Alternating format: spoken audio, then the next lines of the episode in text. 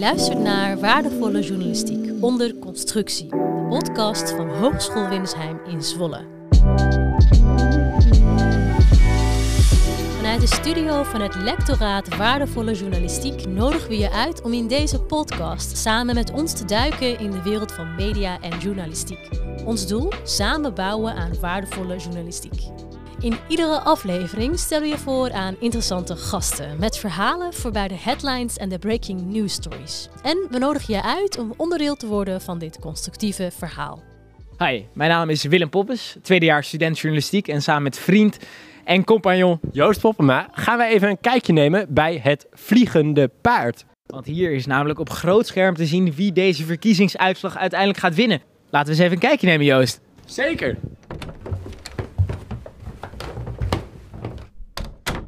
Wie heb jij gestemd en waarom? Uh, op Jas Klaver. Voor, uh, voor, de, voor jullie, voor jullie generatie. Voor een beter milieu, goedkope woningen, betaalbare woningen. Daarom heb ik gestemd. Ik heb op Tom van Kampen gestemd. Van de? VVD. En waarom de VVD precies? Ik ben... Uh, mijn politieke voorkeur ligt rechts. En ik vind VVD de enigste fatsoenlijke rechtse partij. De rest wordt me allemaal te extremistisch. Ik, uh, ik heb op Lisa Westerveld gestemd. Dat is de nummer 5 van uh, GroenLinks Partij van de Arbeid. En ik heb op haar gestemd omdat uh, ze zich heel erg in heeft gezet voor de jeugdzorg. En voor mensen met mentale problemen. Nou, wie wordt de grootste? Ik ben bang voor PVV. Ik denk VVD. Ik denk GroenLinks PVDA. Ik denk PVV. Ik ben bang voor PVV. Samen met hun docenten en onder het genot van een hapje en een drankje wachten de studenten in spanning af. En dan, om klokslag 9, is het moment daar. Met een nieuwe lijsttrekker VVD komt uit op 23 zetels. Een verlies van 11.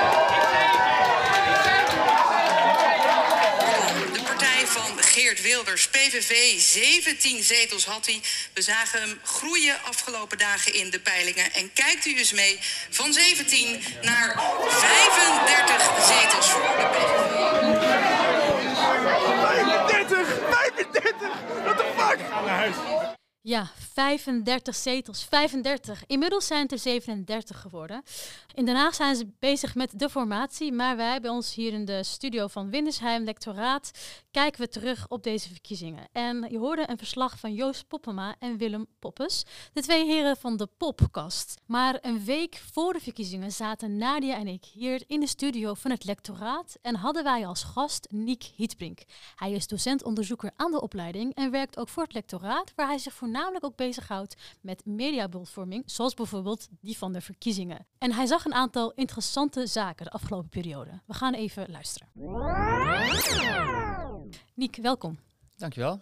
Ja, want um, ja, als jij puur kijkt naar de aandacht voor de politieke partijen aan de talkshowtafels, wie verwacht jij als winnaar? Nee, ja, mij gaat het om uh, dat het, uh, de samenleving ermee verder komt. En uh, ja, dat is net zoals bij debatten en, en, en eh, talkshowgesprekken. Um, ja, het gaat niet om wie er wint, maar het gaat erom uh, of we er als uh, kijker en als samenleving mee verder komen. Of het inhoudelijk gesprek goed wordt gevoerd. Ja, want het inhoudelijk gesprek, of dat goed wordt gevoerd, dat is iets waar jij je mee bezighoudt hè, in het dagelijks leven.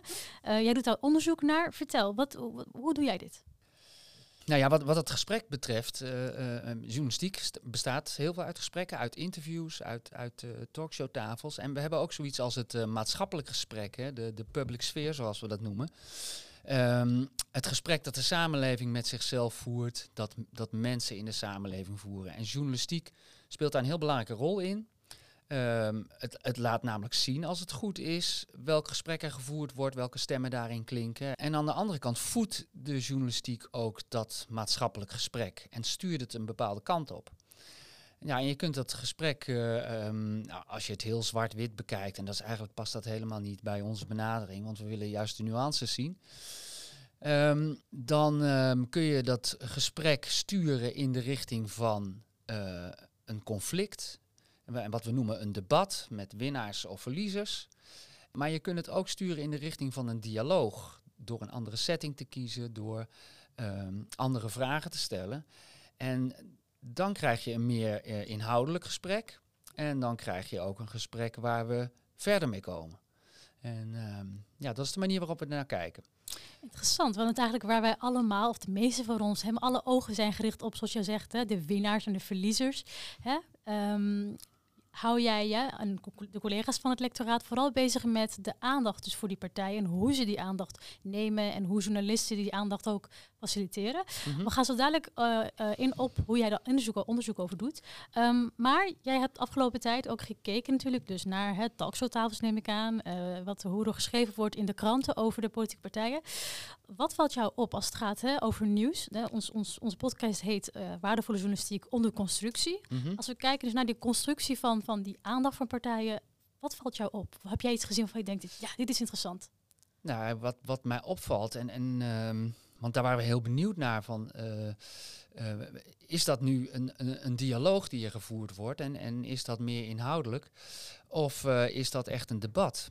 En zoals iedereen weet, deed Pieter Omtzigt een, een, een oproep in het begin. Hij zei: Ik wil minder one-liners en meer in inhoudelijk debat. En uit, het, uit de onderzoeken die we hebben gedaan naar landelijke verkiezingen in 2021 en eh, 2016 en ook regionale en lokale verkiezingen, dan zie je dat eigenlijk constant meer dan de helft van de berichtgeving, of ongeveer de helft van de berichtgeving en alle gesprekken in, ehm, in de media, dat die niet inhoudelijk van aard zijn. Die gaan over de poppetjes, die gaan over grappige dingen, die gaan over de strategie van de partijen, over met wie wel en met wie niet eh, samen reageren. En alle inhoudelijke onderwerpen, zoals zorg, eh, onderwijs, wonen, eh, het buitenland, eh, dat is heel ver weg eh, als, je, als je de campagne bekijkt. Die inhoudelijke onderwerpen, er wordt maar grofweg de, de helft van de tijd aan besteed. En je zou zeggen, als je het meer inhoudelijk wil maken, is dat ontzettende gemiste kans en een verspilling van inzet en middelen. Wat bijzonder, want als, als, als het aan mij ligt en ik kijk gewoon puur gevoelsmatig, dan denk ik het gaat continu over de verkiezingen. Het gaat continu over die partijprogramma's, hoe groot ze zijn, hoe groot, uitgebreid of minder uitgebreid en kritisch. Maar als ik je zo hoor, denk ik, maar inhoudelijk, maar de helft gaat echt over. de Nou ja, dat, dat was zo. En, en eh, hoe ik naar deze campagne kijk, is eh, hebben, de, hebben, we, hebben de andere politici eh, naar om zich geluisterd. Maar die politici zijn niet de enige die bepalen hoe het debat plaatsvindt. Daar heeft de journalistiek een hele belangrijke rol in. Journalistiek is de moderator van dat maatschappelijk debat. Zijn de, letterlijk de moderatoren in een talkshow of, eh, of in een debat. En die moeten die rol ook spelen. Dus op, op die twee manieren kijk ik ernaar. En ik, ik vind wel, ik vind het heel mooi dat Omtzigt die oproep heeft gedaan. En ehm, eh, we, we zijn nog niet ver met de analyses. Maar als ik het, de indruk die ik ervan krijg, is dat het debat intensiever en inhoudelijker is dan wij uit vorige eh, campagnes gewend zijn. Ja. Dus dat is hartstikke voelbaar. Ja, duidelijk. En wat ook mij ook opvalt, wat RTL nu doet, is echt een tafel met ook eh, experts uit de, maats- uit de maatschappij, maar ook vooral burgers. Wat vind jij van zo'n constructie waarbij aan tafel of in de zaal worden burgers uitgenodigd om echt gerichte vragen te stellen? Ja, wat we ehm, eh, uit het eerste, uit, of uit het vorige onderzoek uit 2021 van de, de laatste drie weken van de campagne op televisie, ehm, maar ook uit andere campagneonderzoeken, wat je dan ziet is dat eh, de burger in dat maatschappelijk debat een hele kleine rol speelt. Dus die, komt vrij weinig aan het woord. Daar zit, daar zit af en toe wel, lijkt daar wel verbetering in te zitten. En een grote uitzondering was eh, in 2021 het RTL-debat, waarin burgers aan het woord kwamen. En ehm, ja, wat mij nog helder voor de geest staat, is eh, een, me- een mevrouw die slachtoffer was van de toeslagenaffaire. Ehm, en die het eh, premier Rutte eh, een van de weinige, weinige keren ehm, erg moeilijk maakte en hem daar ook eh, heel inhoudelijk op bevroeg. En in die hele campagne, we hebben drie weken bekeken, is het in die drie weken tijd ongeveer 1% over de toeslagenaffaire gegaan, waar nota bene het kabinet op was gevallen. Dus ik vond dat een hele slechte ehm, eh, performance van de journalistiek om dat belangrijke onderwerp eh, zo te laten liggen. En dat wordt door een burger aan de orde Ja, gesteld. ik, ik schrik er best wel van. 1%, terwijl de, de, de berichtgeving gaat... 1,2. Ja, 1,2. Hè. Eh, we zijn optimistisch, hè? Ja. maar, hoe, maar hoe komt dat dan? Is, he- hebben journalisten weinig oog dan voor die burgerperspectieven? Ja, ik denk dat dat, dat, dat meer kan. En dat, dat doen journalisten wel steeds meer door eh, eh, onderzoek te doen. We hebben het Eén Vandaag panel, eh, NOS laat ook onderzoek doen. En er zijn ook regionale kranten die eh, ehm, steeds intensiever in gesprek gaan met burgers. ehm, ja, wa- waar maakt u zich nu druk om? Ik herinner me van de vorige gemeenteraadsverkiezingen een serie in een regionale krant waar steeds één lijsttrekker werd geïnterviewd. En de eerste twee vragen die aan die lijsttrekker werden gesteld waren afkomstig van burgers. Ik denk dat dat een, een, een goede ontwikkeling is. Ehm, dus eh, eh, ja, burgers daar deel van laten uitmaken, vind ik heel goed. Ehm, ik vind het deze keer minder goed uit de verf komen dan toen in dat ene RTL-debat waar ik eh, naar verwees. Ehm, we zien wel dat dat het tweede RTL-debat nu ingeleid werd door wat burgers. Het was echt een soort inleiding. En vervolgens gingen die lijsttrekkers met elkaar in discussie. Dus ehm, daar ehm, ja, is dat eigenlijk niet, niet, niet zo goed vormgegeven. Ik denk dat je dat, als je daar serieus werk van maakt. Maar wie ik ook mis eh, eh, in, die, in die gesprekken over de politiek, eh, dat zijn experts. Politici doen allerlei beweringen, ba- baseren zich op allerlei, tussen aanhalingstekens, cijfers of feiten. En het is maar in wat voor context je die plaatst.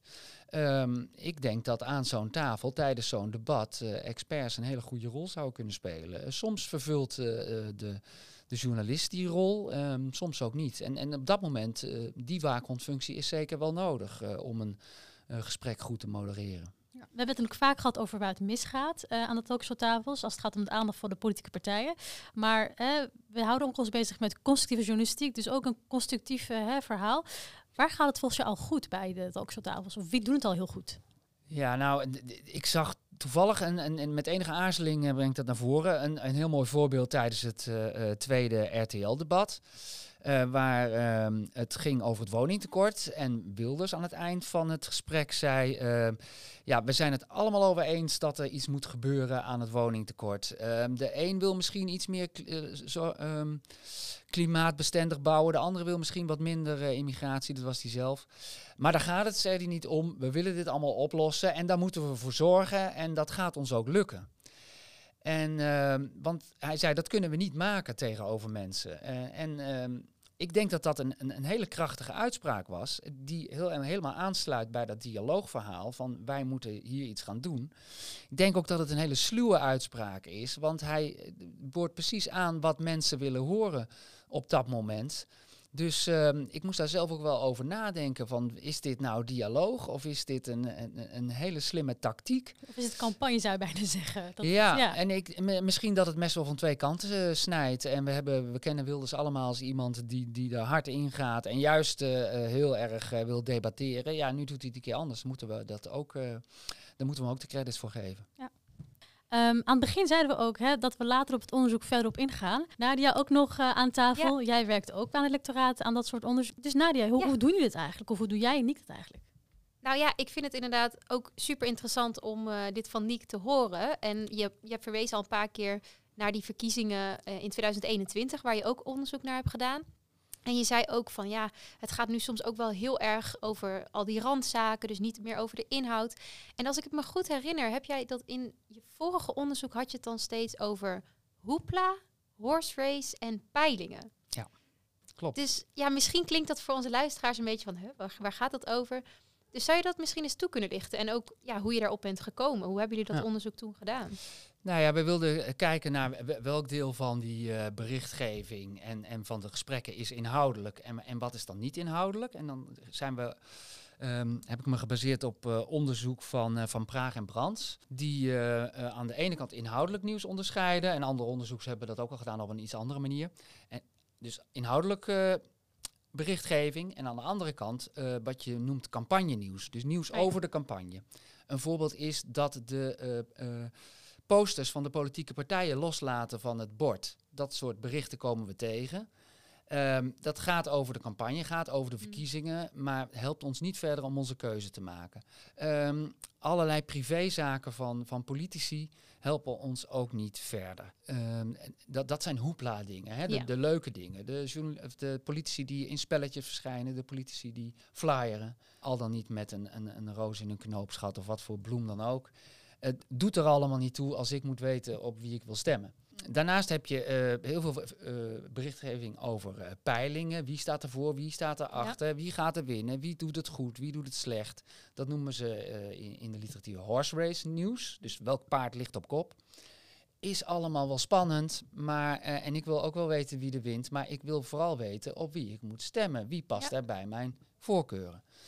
En ehm, ehm, ja, strategie en peilingen, dat, dat hoort daarbij. Dus het gaat wel over de verkiezingen. Het laat ons zien dat er verkiezingen zijn. Het maakt verkiezingen belangrijk in de ogen van de stemmer. Dus dat is wel een, een goede, want dat er zoveel mogelijk mensen gaan stemmen, dan werkt de democratie beter. Maar die mensen moeten ook hun inhoudelijke keuze kunnen bepalen. En daarom maken we dat onderscheid op die manier. Hey, en voordat we ingaan op wat daar dan uit is gekomen, kun je onze luisteraars eerst nog eens meenemen in hoe jullie tot die resultaten zijn gekomen? Hoe ga je te werk als je nou benieuwd bent naar de aandacht in de media voor de verkiezingen? Ja, je kiest een aantal media uit. En in 2021 hebben wij eh, me- me- met eh, collega's en ook met een tiental studenten eh, gekozen voor de televisie. Want dat staat toch in het brandpunt van de belangstelling met de debatten en de talkshows, maar ook het dagelijkse nieuws en actualiteitsrubrieken zoals Nieuwsuur. Dus we hebben gekeken naar debatten, talkshows en nieuws- en actualiteitenprogramma's. Alles wat over de eh, verkiezingen ging, hebben we geselecteerd samen met die studenten. Ja. Dus een groepje studenten ging talkshows bekijken, eh, Oh ja. enzovoort, enzovoort. En ehm, dan maak je een meetinstrument, zoals het heet, een aantal categorieën. Die categorieën inhoudelijk en niet inhoudelijk nieuws. Ehm, je gaat kijken wie er aan het woord is, van welke partij die is, hoe lang die aan het woord is. Ehm, ehm, in, in wat voor genre dat is. Is Ja. het een eh, eh, talkshow of een debat? Of is het een interview? Of is het een nieuwsbericht? En eh, zo ehm, kijk je van al die eh, berichten, van al die eh, uren die er worden uitgezonden, ehm, ja, wat dat eigenlijk eh, voor journalistiek is, welke journalistieke kenmerken dat heeft. En als je dat dan eh, aan het einde bij elkaar optelt, dan eh, kun je daar ehm, de journalistiek mee evalueren en hopelijk aanbevelingen geven voor eh, een betere verslaggeving of nog betere verslaggeving in de volgende verkiezingen. En als we het dan nog eens een stapje verder nemen, hè? ik weet niet of jij hier iets over kan zeggen, maar als we dan kijken naar hoeveel aandacht bepaalde partijen krijgen en wat uiteindelijk de uitslag van de verkiezing wordt. Denk jij dat het invloed heeft op mensen hoeveel aandacht er voor bepaalde partijen is geweest en hoe er uiteindelijk gestemd wordt? Of kunnen we die link niet leggen? Nou, het is zeker geen één op één Nee. eh, invloed van eh, zoveel aandacht krijg je, zo hoog eh, kom je in de, in, de- in de peilingen of in de, in de verkiezingen uit. Maar het heeft wel invloed eh, als je eh, eh, onderzoek erbij pakt, eh, eh, bijvoorbeeld agenda setting onderzoek, wat je op de agenda zet of wie je op de agenda zet, dat werkt door in de hoofden van de burgers.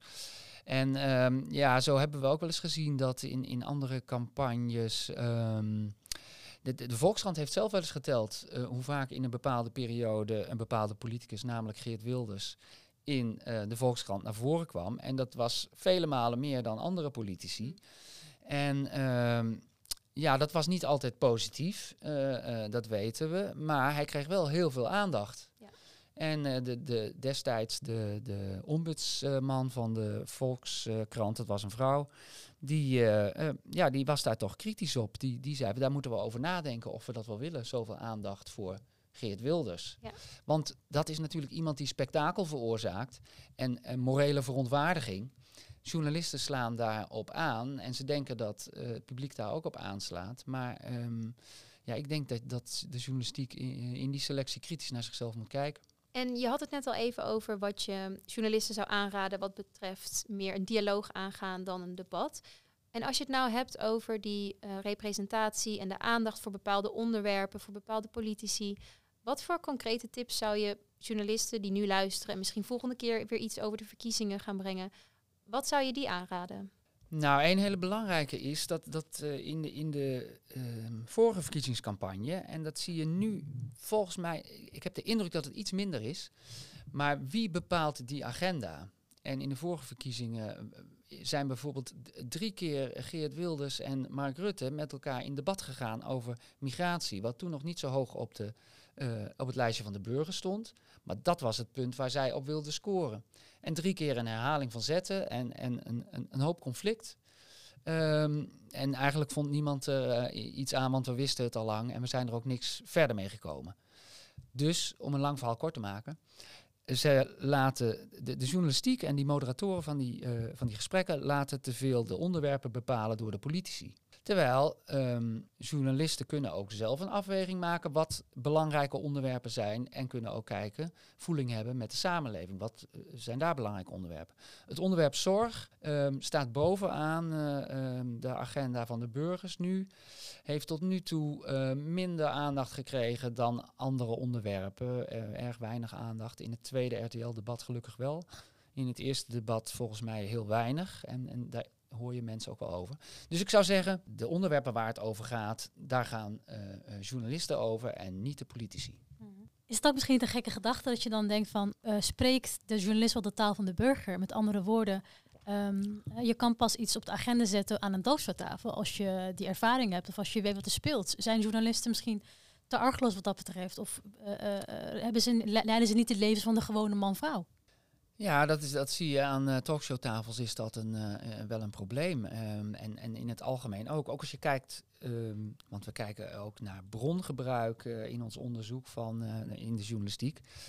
Ja, dan zie je wie, wie, wie komen er aan het woord. Dat zijn heel veel politici en instituties, de institutionele bronnen.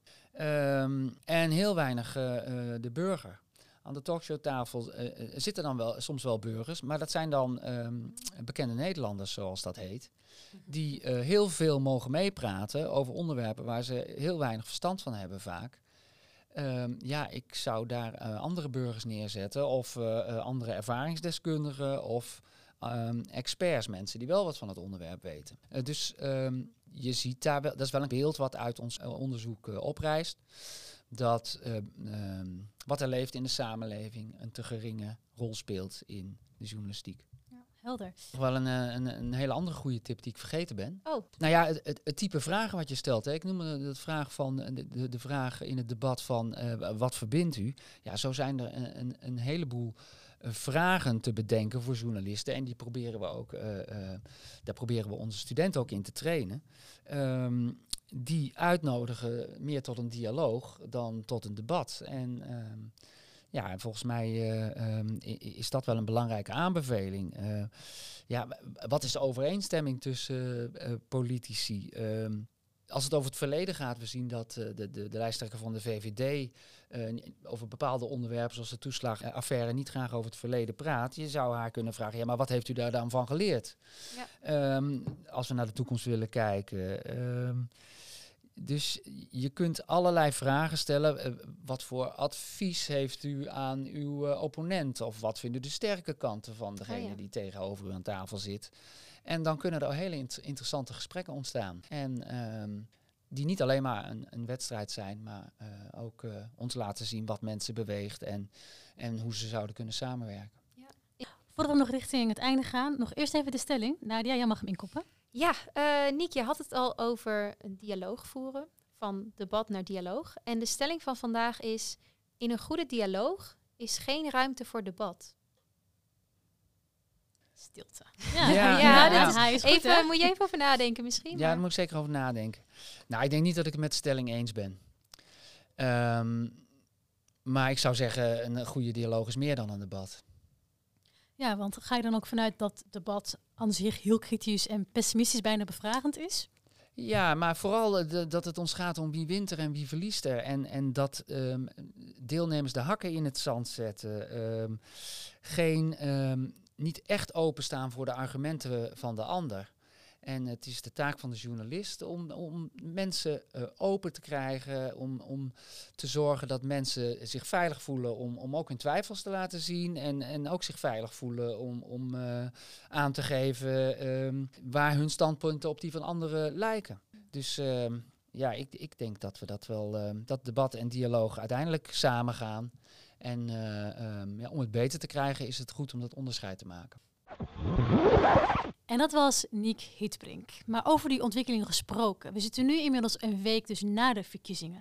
En eigenlijk ben ik best wel benieuwd hoe Niek hier zelf nou over denkt. Hoe heeft hij gekeken naar deze monsteruitslag van de PVV? Had hij dit zien aankomen? Nou, weet je, we gaan hem gewoon even anders bellen. denk dat ik er net zo naar heb gekeken als, uh, als, andere, als anderen. Met uh, verrassing en uh, ja, ook wel duidelijk met gemengde gevoelens. Mhm. Maar ik, ik heb meteen ook alweer gekeken vanuit het idee van dialoog en debat. En we hebben het er eerder over gehad. En ehm, ja, ik ehm, had met anderen de hoop dat het ehm, bij deze verkiezingscampagne meer zou gaan om dialoog. En, en dat ze dat debat wat draait om conflict een beetje zouden verlaten. En daar zag het een beetje naar uit in het begin van de campagne. Ehm, maar ik heb een omslag gezien. Het is weer uh, keihard richting, van dialoog richting debat gegaan. En dat zagen we met name met het uh, SBS6-debat. dat was puur gericht op conflict. Er werd niet gemodereerd, er werden geen uitspraken getoetst, geen kritische rol van de journalistiek. Um, ja, en daar kreeg degene die daar het handigst op kon reageren ook nog eens aangegeven door vragen uit het publiek. Ehm, die kreeg de kans om zijn kaarten uit te spelen.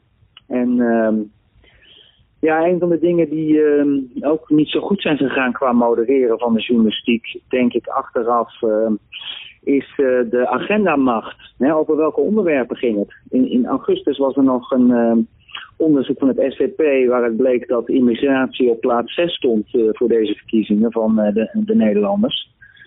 En uh, volgens mij is uh, gedurende de campagne door een aantal politici dat uh, onderwerp hoog op de agenda gezet. En zoals we weten nemen, hebben kiezers de neiging die agenda over te nemen. Ja, volgens mij hebben die twee dingen um, mede tot deze uitslag geleid. Oké, duidelijk. Dus, en jij denkt dan dat het, het SBS6-debat daar echt best wel een laatste uh, uh, ja, punt in was geweest. Om dat uh, zodanig, dit resultaat maar te laten leiden.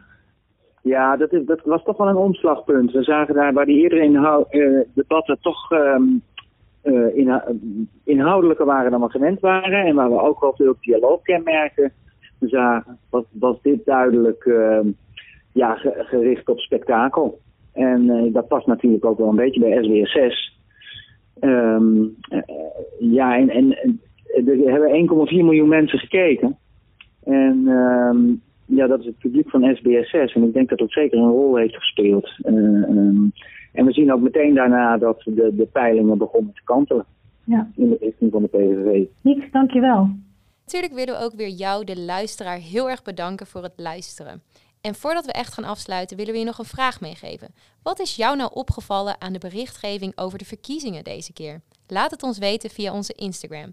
En als jullie nou nog andere tips of vragen voor ons hebben, stuur ze dan ook vooral in. Zo hadden we na aflevering 1 al een oplettende luisteraar. Tineke stuurde ons in dat we per ongeluk de onderzoeker Hans Rosling hadden omgedoopt tot Deen, terwijl hij eigenlijk uit Zweden komt. Dus dankjewel voor het doorgeven Tineke. En als je nou nog iets anders is opgevallen, stuur het dan ook vooral in. En ook het onderzoek waar Niek naar verwees is in onze show notes weer terug te vinden. Ook waar je Niek kunt benaderen als je nog meer vragen hebt over ja, over de berichtgeving, over de verkiezingen of over iets heel anders. En luister ook volgende week weer. Dan zijn de oprichters van Stichting Use the News te gast bij ons. Zij hebben als missie om nieuwsmedia meer jongerenwijs te maken en jongeren meer nieuwswijs. En hoe ze dat doen, dat hoor je volgende week.